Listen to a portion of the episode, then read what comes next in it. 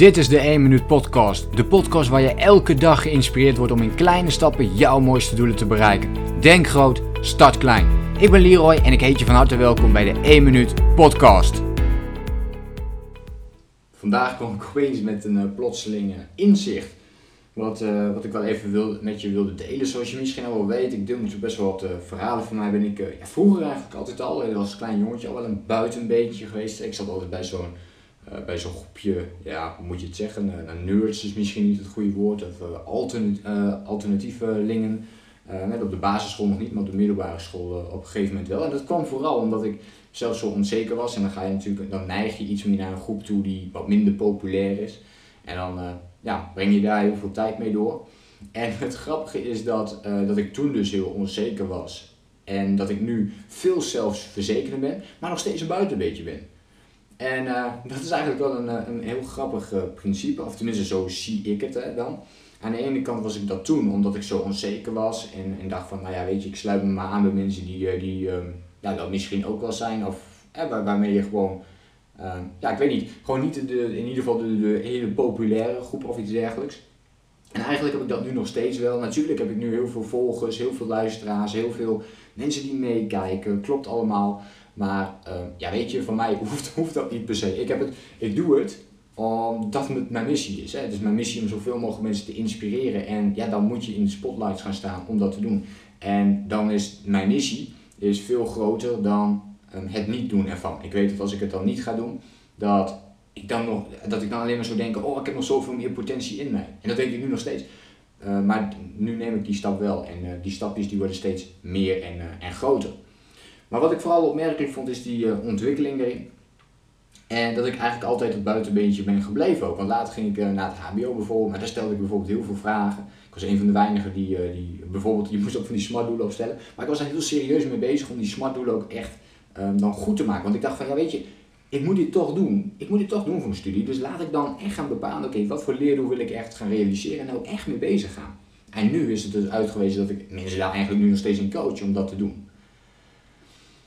Dus dat, vind ik wel, uh, dat vond ik wel een leuk principe. En andere mensen waren er totaal niet mee bezig. Ik dat ik zo'n beetje de enige student van de, van de honderden was van mijn opleiding die, uh, die daar serieus mee aan de slag was. Ik was ook uh, ja, gewoon extreem gemotiveerd om, om mijn werk te doen. Dus iedere ochtend had ik al zoiets van, ja weet je, we gaan, ja, we gaan weer naar school. En ja, sommige dingen zijn inderdaad niet al te leuk misschien om te doen. Maar ik wilde leren, leren en nog eens leren.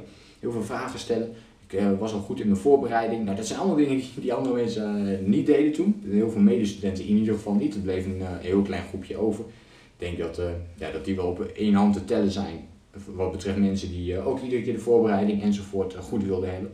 En je ziet dan ook dat je dezelfde groepjes gaat opzoeken. Hè? Dus deze mensen zoeken elkaar weer op. Dus op een gegeven moment had ik uh, mijn beste vrienden vanuit uh, mijn studietijd. waren ook mensen die ook dingen aan het voorbereiden waren. Die ook wat extra dingen ernaast deden. Die ook gemotiveerd waren. En dat vond ik wel een uh, mooi principe. En dat je dat dan weer terugziet. Hè? Dat mensen die op een bepaalde manier ja, hun aantrekkingskracht hebben. Dat dat ook weer naar jou terugkomt. En dat je dus de mensen om je heen verzamelt die diezelfde energiematen hebben.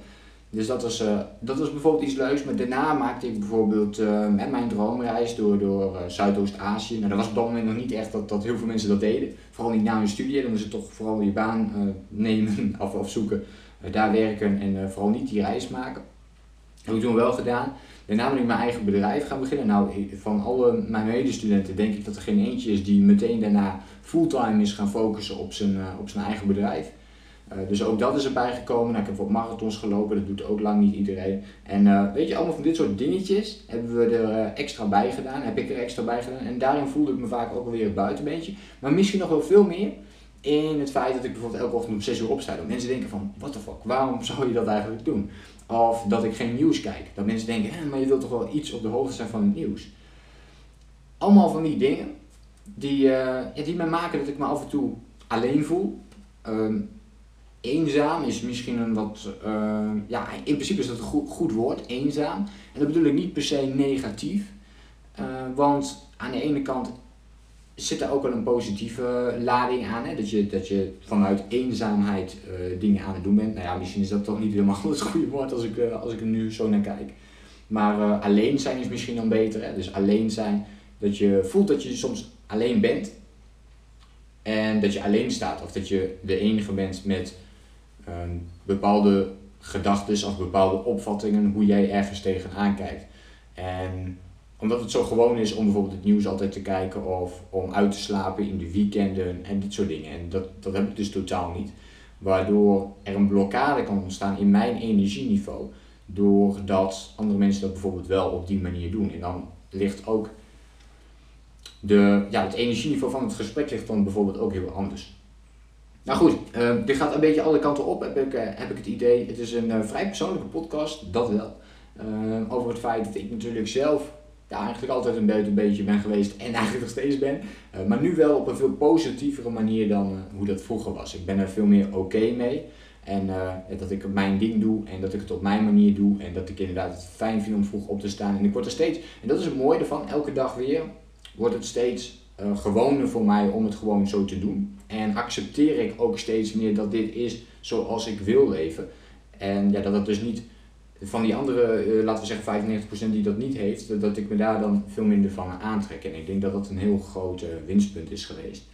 Ik ben benieuwd of jij ook uh, wel eens de ervaring hebt gehad of het gevoel hebt gehad dat jij een buitenbeentje bent geweest. En uh, misschien uh, ben je sommige dingen, herken je dat wel terug in deze, in deze podcast. Als je deze podcast bekijkt, dan ben je waarschijnlijk ook wel iemand die bij die 5% zit. Hè? Dus iemand die vroeg wil opstaan of die wil blijven groeien, die ambities heeft, die, die meer wil betekenen voor de, voor de wereld. En ja, deel het even met me in een reactie onder, onder deze podcast. Ik hoop je de volgende keer dan uh, weer te zien. Denk groot, start klein. Bedankt voor het luisteren. Geloof jij net als ik dat je in kleine stappen jouw mooiste doelen kunt bereiken? Abonneer je dan op mijn podcast voor meer dagelijkse tips en inspiratie. Laat me weten wat je van de podcast vond, deel de inspiratie en geef het door.